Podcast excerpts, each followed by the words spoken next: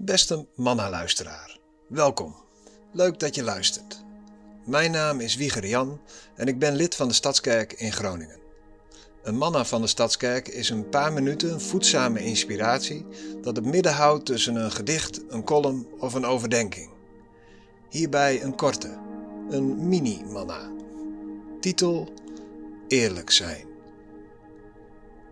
Zit je wel eens in een gesprek waarin je voelt dat je helemaal vrij bent om te zeggen wat je denkt en voelt? Zodat je je eigen gedachten eens van een afstandje kan bekijken. Je als het ware kunt luisteren naar jezelf. En je komt tot inzichten. Wat je wil doen, of misschien anders wil doen.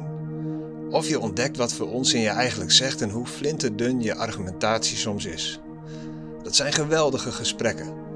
Een voorwaarde in zo'n gesprek is dat de ander luistert zonder oordeel. Geen adviezen, geen onderbrekingen, geen ja maar. Ik dacht hierover na en kwam tot de volgende gedachte, eigenlijk heel logisch, maar volgens mij toch knap lastig. Eerlijk zijn is een voorwaarde voor werkelijke verbinding, met elkaar en met God. Mensen kunnen vastzitten in normen als schijnvoorwaarden voor verbinding. Ik moet net zo knap zijn als jij, zo succesvol, christelijk of vul maar een norm in.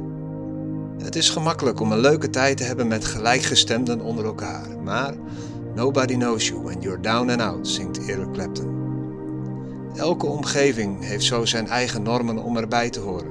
Ook de kerk heeft normen om erbij te horen. De muziek die je hoort te luisteren, het christelijke gedrag en de taal die daarbij hoort.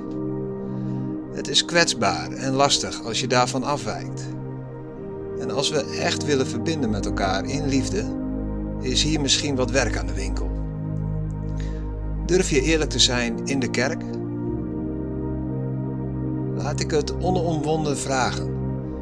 Als je het vaak anders beleeft, even niet mee kan zingen of je irriteert je helemaal kapot in de kerk, alsjeblieft, blijf nog even.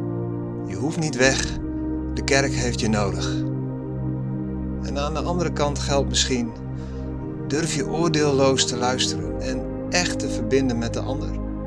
Dus even geen christelijke adviezen, geen toepassing, geen ja maar. In plaats daarvan ruimte laten voor de ongemakkelijke, kwetsbare en afwijkende werkelijkheid. En dan bij iemand blijven.